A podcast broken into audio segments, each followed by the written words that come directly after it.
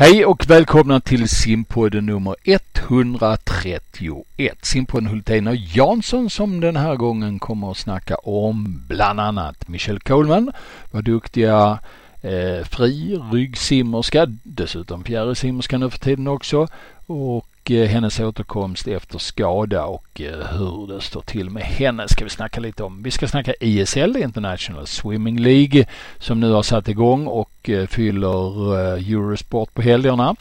Vi ska följa upp Tyr Open i Ystad, ett bra exempel på utveckling av simtävling i Sverige. Vi ska snacka vattenpolo. Kan vi det? Ja, ni får väl höra. Göran Westerlund var vår gäst i förra podden vad eh, reagerade lyssnarna på? Vad tyckte vi efter det? Och så ska vi snacka lite om eh, det här med att eh, Sara Sjöström eh, har en liten plats i media totalt när man sammanfattar eh, 2018. Antalet artiklar om henne i svensk press är till exempel väldigt mindre än alla de skidåkare som florerar och eh, en del fotbollsspelare. Eh, 19 plats i en liga som eh, leds av Charlotte Kalla rent eh, exponeringsmässigt. Hur kan det komma sig? Ja, det och mycket annat ska vi snacka om i simpodden 131. Nu kör vi! Nu ska vi snacka simning. Ja, om de gör det bättre det vet jag inte, men de gör det oftare. Det är ju omänskligt. Ja, men det gör vi Bosse. Vi trummar på. Simpodden, Hultén och Jansson.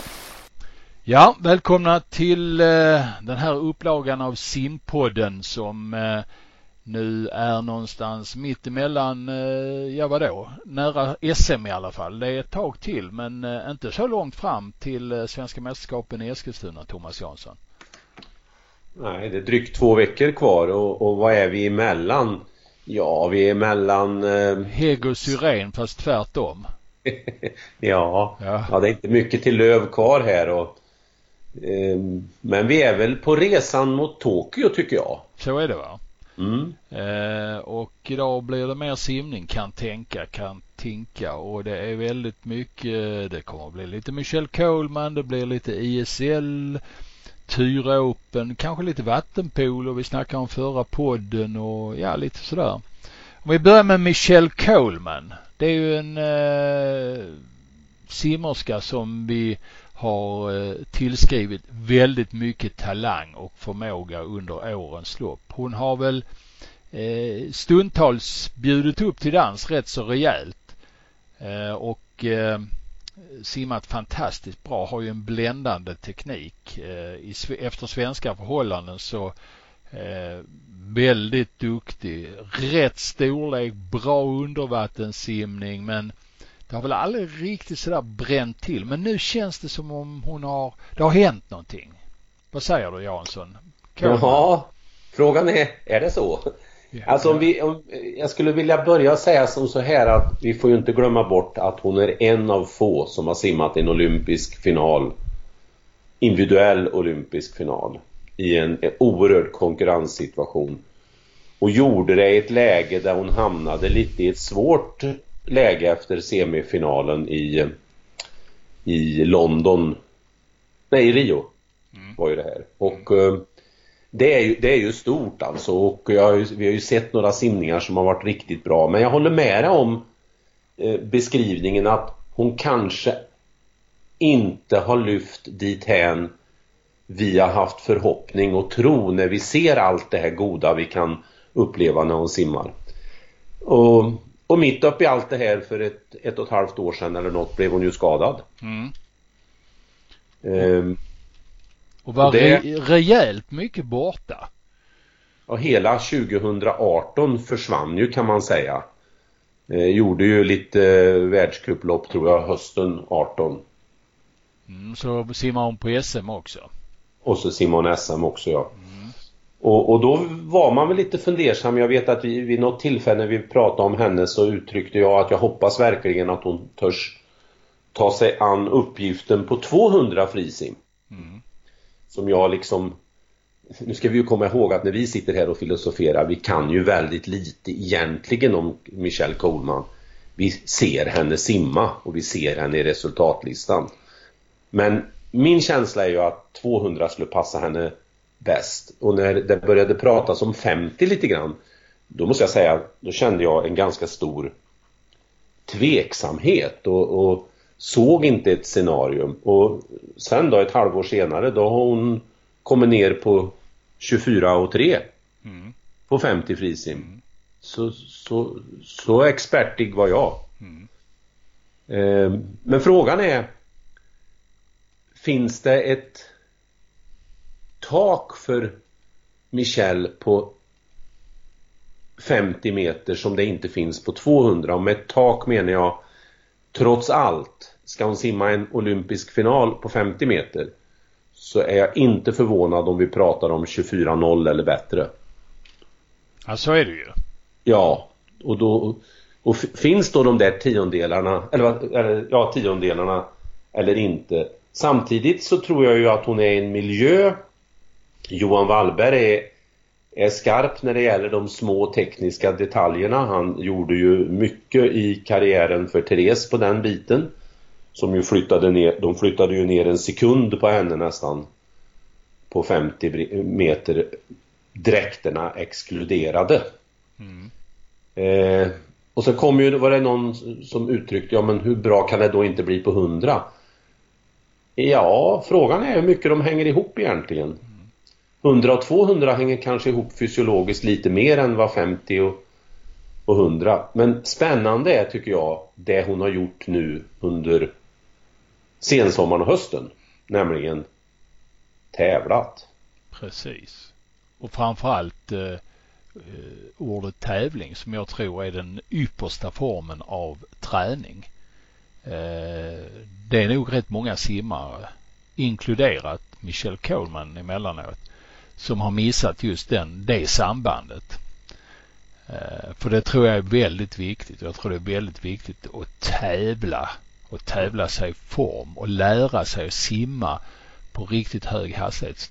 Då först utvecklas man riktigt. Ja, och ligga alltså på en hög nivå när man tävlar. Alltså för det är en stor skillnad på att simma som hon nu har gjort. På 100 meter har hon legat några tiondelar över sitt pers upp till kanske en sekund och på 50 har hon då plockat ner sitt personliga rekord. Och då blir det ju verkligen på riktigt, det blir tävling när det utmanar systemen. Eh, att köra de tävlingarna när man kanske är så ur form som man simmar tre sekunder långsammare på 100 meter eller över en sekund på 50 det utmanar ju inte systemet så att hon har tävlat med en stor insats av sitt eh den, den eh, vad ska vi säga, mentala delen också. Hon har brytt sig om de här loppen fullt ut. Mm. Är, det, är det vi upplever, eller jag upplever. Mm. Mm. Ja, det är intressant. Och sen lär sig kroppen också att att eh, musklerna lär sig att innerveras i, i rätt ordning beroende på den hastighet man simmar. Simmar man på 58 sekunder på 100 fritt som, som dam då så lär sig kroppen att simma på 58 sekunder. Simmar man på 53 så lär sig musklerna koppla in fibrerna i rätt ordning för 53 sekunder. Det är rätt stor skillnad mellan 53 och 58. Alltså är det precis rätt som du säger. Det gäller att simma och tävla när man är i bra form. Annars så lär sig kroppen inte de, de rätta inkopplingsmönstren. Nej, nej. Sen skulle jag ju önska att hon uttalade och säger att det här gör jag för att vara i världstoppen, den absoluta världstoppen 2024. Mm. Det är ganska kort tid att ställa om från att vara då en, en världssimmare på 200 meter till bli en på 50 meter. Alltså trots allt har ju de här 50 meters simmarna kvaliteter. Eh, även om nu hon är fenomenal på de första 15 men hon är ju inte bäst i världen där. Nej det är hon inte. Nej. Och hon eh, har också ja, hon har lite att jobba med på den, på den biten men, men eh, jag läste här på morgonen eller om det var igår kväll att den kanadensiske eh, sprintersimmaren som nu är tror jag 36 år, Hayden hette han väl, heter han väl? Ja. Han tog ju delat guld i Melbourne 2007 på 100 frisim med Mangini till exempel. Han är, är på gång att göra comeback. Mm. Och vill försöka kvala in till det kanadensiska laget. På 50 meter. Mm. Men sen ser han en karriär mot 2024. Mm. Mm. Och, det, det, och det har ju blivit fler och fler sådana grejer och det skulle ni ju hoppas att en sån supersimmerska som, som Michelle eh, hade lusten att göra en, en, eh, en lång sprintsatsning i så fall. Mm. Eller gå tillbaka och gå mot 200. När de här 93orna dök upp eh, så var det ju så att eh, det var Michelle, det var Sara Sjöström och så var det kanske den som fick framgångar allra först eller åtminstone i närheten av allra först. Kommer du ihåg vem det var? Om 93 Nathalie, Lindborg? Nej, jag tänkte Nej, hon är, nej. nej, hon är 91 va? Hon är 91 dessutom. Hon är, ja just det. Eh, Eriksson. Just det. Eriksson, vi går till Täby. Vi går till Täby och kallar ja. henne då Lovisa Eriksson. Ja just det, det stämmer. Som ja. blev svensk mästarinna på 100 meter ryggsim eh, och simmade fantastiskt bra. Gjorde ett världscup när, när det gick i Stockholm på jättehög nivå också. Absolut, så var det. Mm. Och blev svenska mästarinna på 100 ryggsim 2008 och 2009. Men fick väl problem med axlarna har jag för mig. Ja. Och hon tillsammans då med Michelle och, och Sara.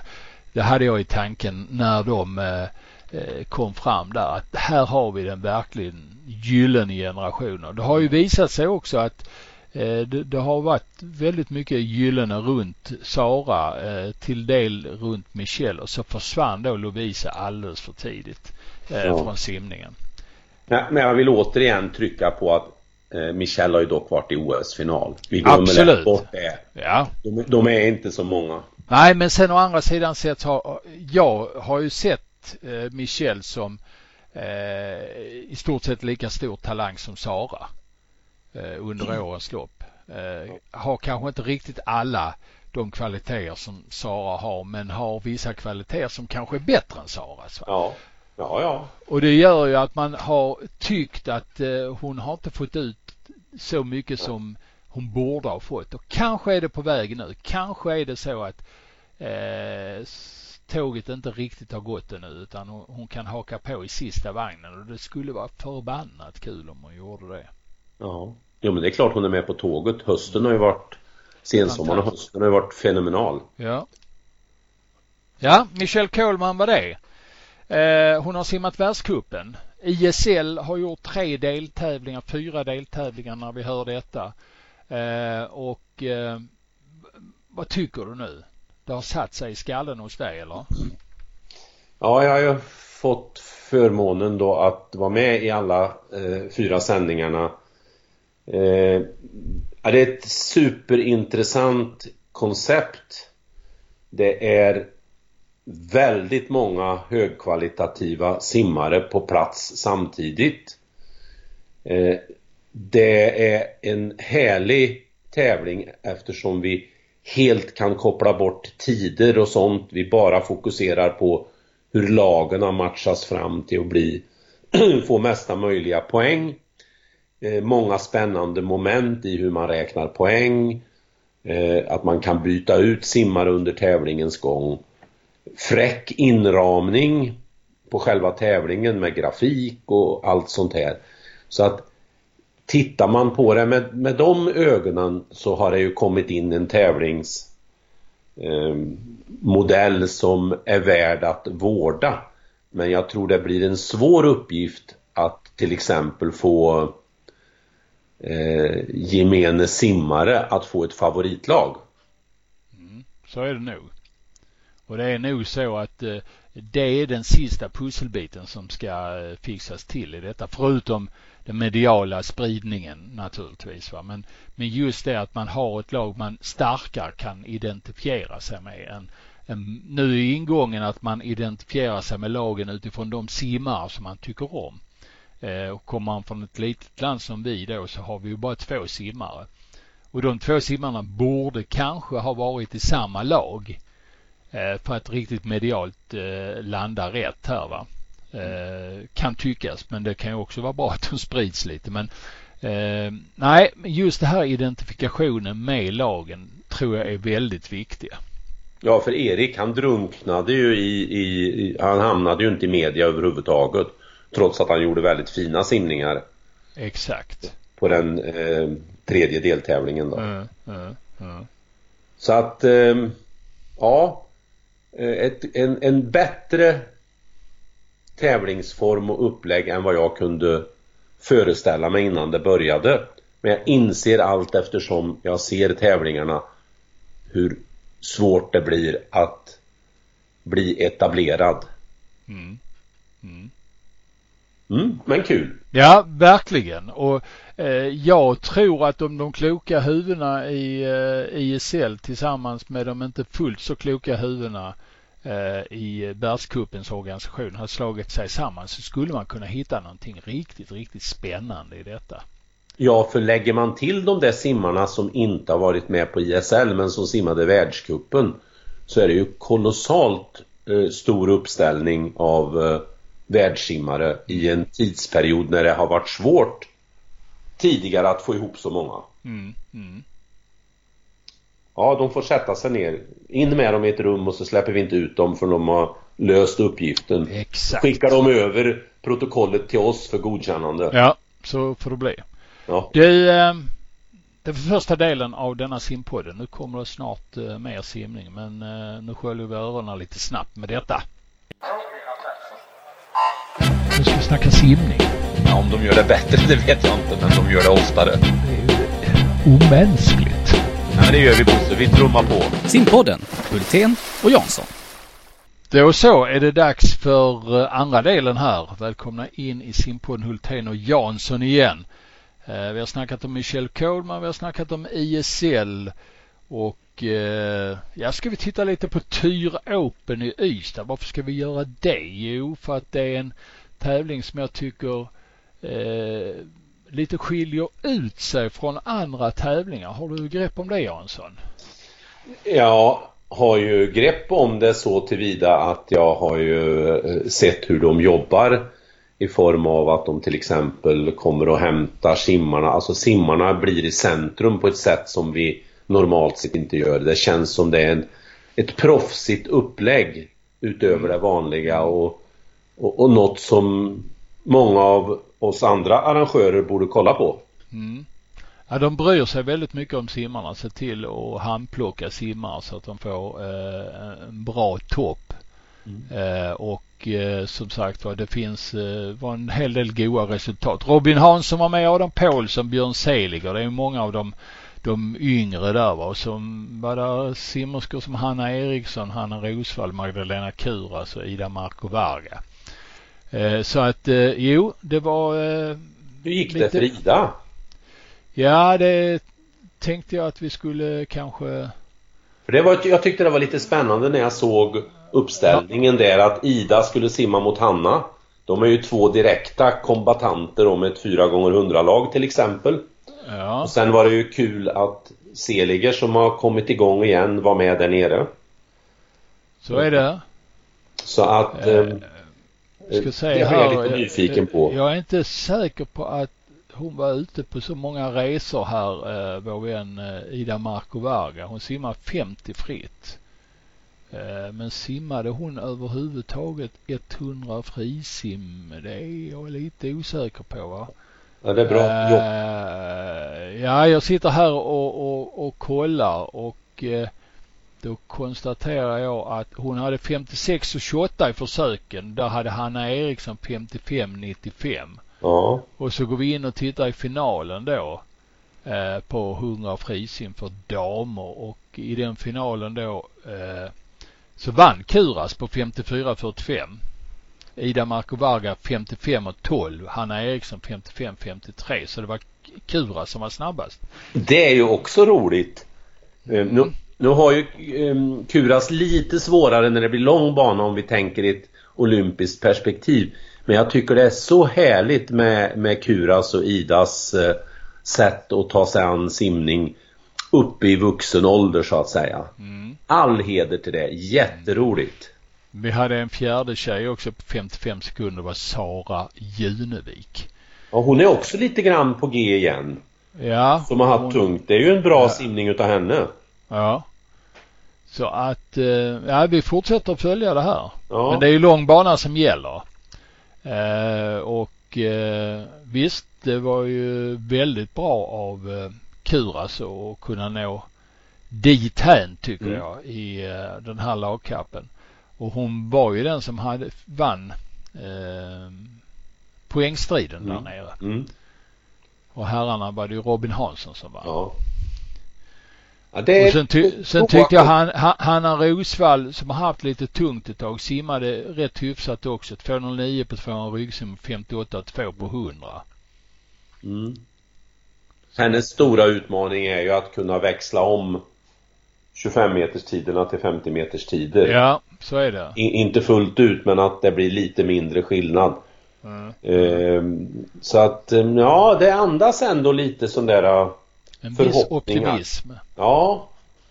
Och än en gång då ett eh, grattis till arrangörerna i Ystad för det, det sätt de lägger upp den där tävlingen. Ja, Hur- Är det absolut. tredje året nu eller? Det var nog fjärde året. Fjärde året, ja. Ja. Så var det. Ja. Eh, Eller ja, alltså man har kört det här Ystad Grand Prix som man kallar det. Det har man kört i fyra år. För det är ju två deltävlingar. Dels en deltävling som ligger på våren som heter Mm. korsvirkessimning som är kanske Sveriges äldsta simtävling nu. Den eh, närmar sig väl 50 år. Eller om den har passerat 50 år. Jag vill minnas att i början på 70-talet så vann jag lite sådana här tavlor där nere. Jag tror jag har kvar dem någonstans här. Litografier som man fick eh, för se segern. Och, så jag har varit med på korsvirkesim Ja, jag tänkte säga det är väl inte många simtävlingar som är äldre än dig? Nej, så är det ju inte nej. Nej. nej. Jag är ju äldre än, än till och med inomhus-SM. Jag är Ja. född året innan inomhus-SM. Men Vansbrosimningen slår du inte, de, de föddes 1950. Eh, nej, precis. Och det var ju precis då ja. Ja. Mm. Mm. ja. Nej, men Ja, du, det, det, än en gång, uppmaning till andra arrangörer. Studera konceptet. Och gör det, Ja, utmana och gör det bättre. ja, så kan Det är man så vi säga. går framåt. Mm. Du, vattenpolo, är du intresserad av det? Ja, alltså nu, nu blir det ju väldigt mossigt här. Alltså Filipstad har haft vattenpololag. Mm. Eh, min pappa som kunde simma lite bröstsim, han ställde dem i målet. Det var då eh, polomatcher i det som var ta Talluddens eh, badplats där det var snyggt med bryggor och målburar och grejer och, och, och den som dömde satt i en eka utanför som hade en som rodde ekan och, för att försöka följa med i spelet. Jag tror det var sju eller åtta eh, olika pololag i Värmland vid den tiden, sent 50, början av 60-talet. Eh, Storfors, jag tror Karlskoga hade två olika pololag, ett i den lite eh, lägre Värmlandsserien som jag tror det hette då. Så att historiskt sett eh, har jag lite koll. Och sen har man då också förstått när man är på lite olika ställen runt om i världen, Kroatien till exempel, hur stort polo är internationellt på många ställen i, i framförallt eh, Östeuropa. Mm. Mm. I övrigt har jag inte så mycket koll. Jag, eh, glädjande att läsa på simma när... Eh, eh, åh gud, nu tappar jag bort vem som. Gör, Göran Kron. I Kron ja, eh, skriver. Det tycker jag är kanonbra. Då, då försöker jag läsa igenom men, men eftersom jag inte följer det så där så, så har jag inte riktigt koll. Men du har kanske bättre koll?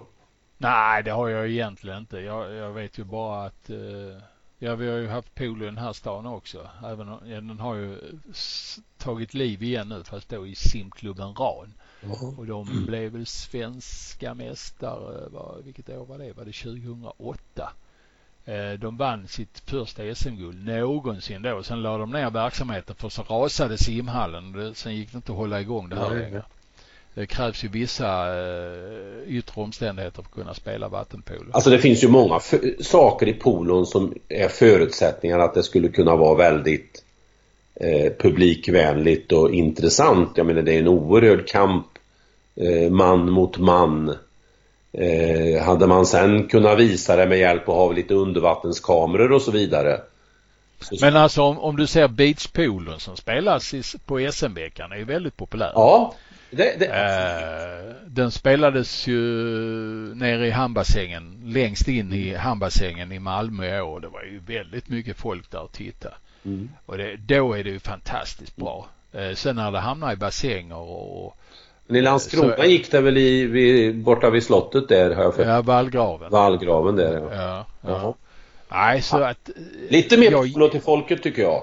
Ja, egentligen borde det vara så, men det, det saknas väl en del entusiaster. Sen så, eh, vad ska jag säga, det saknas entusiaster eh, lite runt om i landet för att hålla igång den här vattenpoolen. Och sen, eh, och men i Ängelholm är man ju, Ängelholm och Lund är det väldigt vaket med vattenpooler nu känns det som. Det är ju sådana här nya ställen va? och i Ängelholm är man ju överentusiastiska ska man lugnt säga. Där har de ju eh, den, den stora, största entusiasten i svensk simidrott, Berne Andersson som rullar runt det här. Eh, och fler Bernor åt vattenpoolen så hade det kunnat bli en riktigt stor sport. Ja, Karlstad har ju lyckats hålla i sin vattenpolo även om de inte har varit i högsta Mm. serien eh, egentligen. Men där hade, har de ju en, en eldsjäl som heter Laszlo. Laszlo Viant ja. Just det! som Han, han är ju en typisk, ett typiskt exempel på att finns den där eh, entusiasmen då besegrar det både ekonomi och allt annat. Visst, han kom ju från Ungern ursprungligen Mm. via i Lund. Mm. Då lärde vi känna varandra på början på 70-talet Mm. och sen eh, utvandrade han till Värmland. Ja, så är det. Ja, men fler eh, Bernar och Laszloar så Ja. kan eh, svensk vattenpolo lyfta sig från eh, den rela- det relativa djup som det fi- befinner sig på just nu.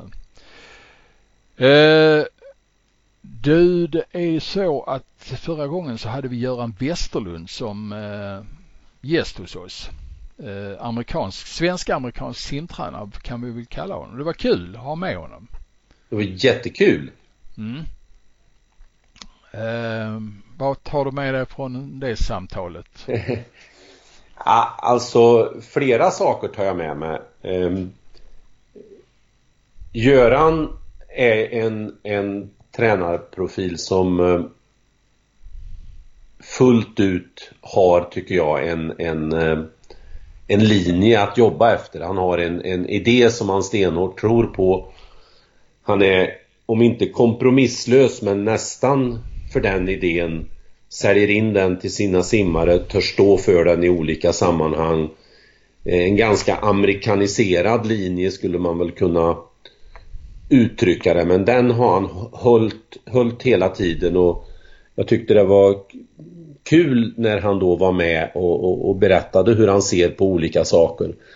Sen sticker jag inte under stolen med att eh, det finns många delar i den där som, som jag tror definitivt inte är överförbar till ett eh, litet land som Sverige. Allt ifrån hur vi har det med, med de väderleksmässiga problematiken, hur vi har det med bassänger och hur vi har det med storlek. Men, men eh, jag skulle önska ibland att fler tränare och ledare vågade sådär fullt ut eh, eh, sälja in sin idé. Så det var, det, var, det var jättekul att han var med. Ja, vad bra. Han verkar ju i Kalifornien och bara i Kalifornien finns det sju gånger fler licensierade simmare än vad det finns i Sverige. Så det det är en viss skillnad. Ja. Det är ju ett, eh, ett jättestort område. Det är ju är det världens femte största ekonomi tror jag, eh, Kalifornien. Mm. Ja, någonting Eh, sånt är det. Ja, så att eh, det är ju ett, eh, I hela Kalifornien fanns det väl 70 000 licensierade? ja var det så? Ja, för 7 000 Ja, var ju den Ja, ja. regionen han jobbade Jag sa sju, sju gånger sa jag. Ja, sa ja, inte det? okej. Ja, Ja, sju gånger fler. Ja, Ja. Ja, så att... Du, du räknar om i, din- inne i din skalle din eh, Excel-nisse. Så var det väl va? ja. Sen, ty- oj, förlåt. Sen tyckte jag det var kul när han anföll Sumsim. Mm. Han tyckte man skulle göra vad då? Berätta. Nej men han, han eh, saknade ju grenar framför allt. Eh, han, han såg det utifrån att eh, det var inte en helhet i det, hur det hänger ihop med andra tävlingar och så vidare. Han tog ju exemplet att eh, Vadköpingsdoppet kontra Sumsim och han, han var, var väldigt fokuserad kring att se en linje där som han tyckte saknades i, i, i svensk simning. Um, så det var också intressant och det tycker jag ni kan gå in och lyssna på hur han reflekterade där. Det var ju podd 130 han var med. Mm. Mm. Eh, sen eh, var han ju oerhört eh, inne på det här att driva laget. Alltså han jobbade ju, var ju vad ska vi säga kontaktansvarig för nästan 50 simmare totalt. Mm. Och det också skiljer ju ut sig väldigt mot hur, hur vi jobbar i, i Sverige och eh, kanske på gott och ont men han, han eh, han såg som sin, om jag ska tolka en fri tolkning här, som sin uppgift som tränare att coacha laget. Mm. Mer än att coacha en enskild simmare. Och, och, jag kan ju verkligen förstå tjusningen i det och alla positiva effekter som uppstår. Eh, däremot så, så, personligen så tror jag att det eh, inte främjar att få det bästa ut ur de enstaka talanger vi ändå har. Eh, där har man ehm, ja, lite mer råd att misslyckas i ett land som till exempel eh, USA. Så det, där skiljer vi oss åt men, men eh, det var jättekul. Mm. Intressant. Bra. Ja. Eh, det blir lite mer simning alldeles strax här i simpodden Hultén och Jansson. Sitt kvar eller cykla vidare eller hur du nu än lyssnar på detta program. Vi kommer strax tillbaka. Snacka simning. Ja, om de gör det bättre det vet jag inte, men de gör det oftare. Det är ju omänskligt. Ja, men det gör vi Bosse, vi trummar på. Simpodden, Hultén och Jansson. Ja, då är vi inne i den tredje perioden av simpodden 131. Simpodden Hultén och Jansson eh, som nu jobbar sig vidare mot eh, SM i simning ganska snart. Men eh, innan dess, du, eh, det finns annan idrott i världen också. Har jag hört. Va, ja, berätta. Cricket Cricket ska man inte underskatta. Det är Nej. större än hockey. Mm. Eh, landhockey är väl större än hockey till och med. Mm. Så visst finns det andra idrotter som håller nivå. Ja. Curling är ju större än längdskidor till exempel. Mm. Så det finns andra idrotter. Men eh, det finns ingen sån curlingstudio eller curlingboa i SVT va? Nej. nej, det, det finns inte. Det har vi inte hört talas om nej, utan det är, det är Vinterstudion och då, då inryms kanske curlingen där. Men jag tycker det är inte så mycket curling nej. i Vinterstudion. Nej måste vi prata om, om, om det där. Jag, jag, jag mår ändå dåligt av att ha läst eh, hur antalet mediaartiklar som har landat på de olika idrotts så kallade stjärnorna i Sverige. Mm. Och lyssna nu Bosse. Vi har en simmerska som är i en global idrott. Och i den globala idrotten är hon en av de allra största. Hon är liksom känd i simvärlden verkligen över hela världen. Sen har jag fått lärt mig genom åren att eh, presteras det bra då syns det i media. Så gör man en sammanställning över mediaartiklar som har varit senaste året i Sverige på de svenska eh, idrottsmännen eller och några ledare. Och Sara hamnar inte ens på prispallen. Hon blir nittonde. Mm. Mm. Kan du förklara det för mig? Nej, det kan jag inte förklara. Jag, jag skulle kunna förklara det, eh, men ändå kan jag ändå inte förklara det.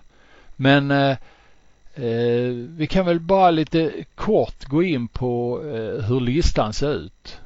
Ja. I, I, toppen. Charlotte, Charlotte Kalla. 15 Charlotte Kalla som dessutom gjorde ett ganska dåligt VM här senast. Ja, och då skrivs det mer om henne när hon har gjort ett dåligt VM för hon har ju avancerat från tredje plats. Ja. Jan alltså... Andersson fotboll 15 000 där också och Zlatan Ibrahimovic på tredje plats med 13 000. Ja och Peter Gerhardsson eh, kapten för damerna. Alltså fotboll kan jag på ett vis förlika mig med för det är trots allt en global idrott. Mm.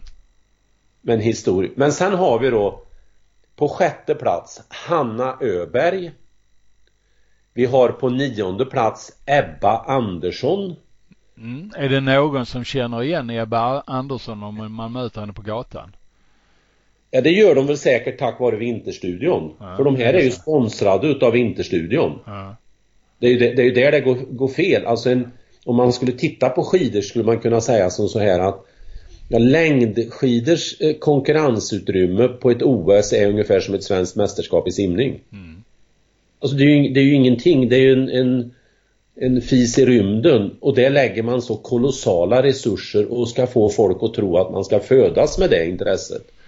Jag tycker det är, om jag fortsätter på listan här, Kalle Halvarsson Eh, skidåkare, jag, ibland funderar jag på om man vet vad som är fram och bak på skidorna. Stina Nilsson, femtonde.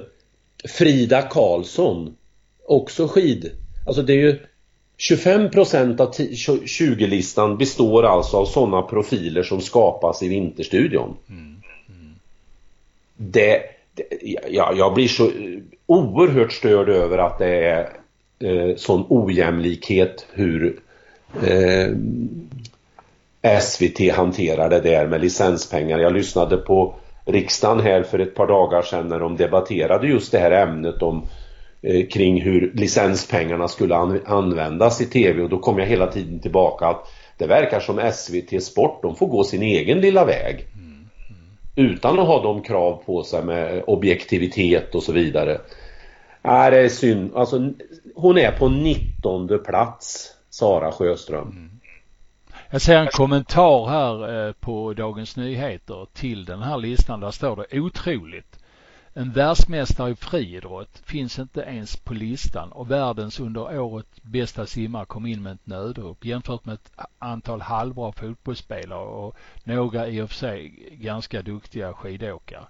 Alltså Daniel Ståhl och Duplantis och, och fler finns inte med här. Så att, alltså det är det, är ja, det var någon som sa om man ska bli känd snabbt då ska man välja en, en eh, idrott där det inte är så hög konkurrens och helst ska man ha skidor på fötterna. Mm, mm, mm. Ja, så är det. Ja. Men sen måste vi ju titta på oss själva. Alltså vi har ju inget bra media eh, upplägg tycker jag från, från eh, på klubbnivå, på regionsnivå, på svensk eh, högsta nivå. Går jag till klubben här i Eskilstuna som jag är i, vi har ju, har ju inte fått fram en bra mediastrategi. Nej. Det är inte där, alltså vi, vi har en jättehemläxa att göra på klubbnivå för att ta den här utmaningen och på region och på simförbundsnivå. Men att vi inte orkar ens, eller orkar är fel, att vi inte har förmågan att se till att Sara skulle vara alltid topp 5 de senaste tio åren på den där listan. Mm. Ja, det är mycket märkligt. Ja, Men jag håller med dig. Det, det, här, här är eh, det är väldigt intressant den här kopplingen som vi har varit inne på så många gånger ja. till det här med vinterstudien. Det borde inte få heta vinterstudien. Det får gärna, man får gärna ha eh, ett sportmagasin som man har det men eh, riv den där vinterkåtan, ja. ta bort eh, elden och, och, ta in alla idrotter ja. eh, på ett helt annat sätt. Ja. Det, det, börjar bli riktigt besvärande för SVT. Pinsam, Men jag tror att de är, de är livrädda i att liksom eh, tappa åskådare, alltså tittarsiffror och alltihop. Så det är bara, de, de, de har byggt upp något nu och nu ska det värnas till 100 procent. Mm, mm. Ja. ja. Det är synd med tanke på att det är många goda journalister som ham på SVT som hamnar i den här och, och kanske var och en enskilt har lite funderingar på att det här är egentligen inte friskt. Nej, det är jag helt övertygad om ja. att så är det. Ja. Mm. Och det har man ju hört också så att det, mm. det är inte bara som man behöver gissa och spekulera runt. Du, eh, ja, det var mycket simning där men eh, lite annan idrott också. Mm. SM i simning två veckor. Hur är mm. läget? Hur blir det? Blir det bra? ja, det, Ja, det är klart att jag det pirrar, börjar pirra i magen ordentligt nu ska jag säga. Alltså, vi eh, upplever att vi har allt på plats nu. Mm. allt inom citationstecken. Eh, och har en viss men mental beredskap för om något skulle uppträda som vi inte har eh, beaktat. Mm. Eh, men visst pirrar det i magen ändå eftersom vi har eh, gjort om SM-konceptet lite grann och lagt till bitar i det då, och inte minst den mässa som är kopplad till, till det här. I, visserligen i en helt annan lokal men, men det, det kostar kraft för oss. Mm. Mm. Och vår satsning på mat mm. också där vi, där vi faktiskt eh, säljer maten billigare än vad vi köper in den. Mm. Mm. Så att vi gör, just, vi gör satsningar för simningens bästa. Sen får vi se om vi har tänkt rätt, om vi har fått till det. Det får eh, såklart de som kommer dit så småningom göra bedömningen. Det, det kan ju inte vi göra. Nej. Nej. Spännande blir det i alla fall och eh, som sagt var eh, vi kommer att följa det väldigt mycket på Simma. Vi kommer att följa upp det på Simpodden. Du och jag kommer att kommentera finalerna direkt torsdag, fredag på SM som ett litet experiment. Ja, på, på Simidrotts TV ja. Ja, och där är ni välkomna att ta del av detta. Eh, och en hel del annat smått och gott som vi återkommer till när det närmar sig SM i simning. Eh, ska vi dra strecket här? Det gör vi. Vi tar den svarta tuschpennan och drar strecket med. Mm, så är det. Och eh, tackar för att ni ville vara med oss denna dag. Var ni nu har lyssnat på oss. Ni får gärna höra av er och berätta hur ni lyssnar eh, på simpodden Hultén och Jansson. Är det i badkaret? Är det på cykeln till jobbet? Är det på bussen? Är det i bilen? Är det via telefonen, datorn eh, eller någonstans Men... ute i skidspåret kanske? det tror jag inte. Men du Bosse, tror du det är någon som lyssnar då? Ja, det vet vi om att det är. Det är ganska många som lyssnar nu för tiden så att eh, eh det är vi jätteglada för. Så att... Eh, det är inte bara min mamma alltså? Nej, det är det inte utan eh, man räknar eh, lyssnarna eh, med många siffror numera så att det är jättekul. Mm. Bra! Eh, tack för idag. Tack själv. Hej då. Nu ska vi snacka simning. Ja, om de gör det bättre det vet jag inte, men de gör det oftare. Det är ju omänskligt. Ja, men det gör vi Bosse. Vi trummar på. Simpodden, Hultén och Jansson.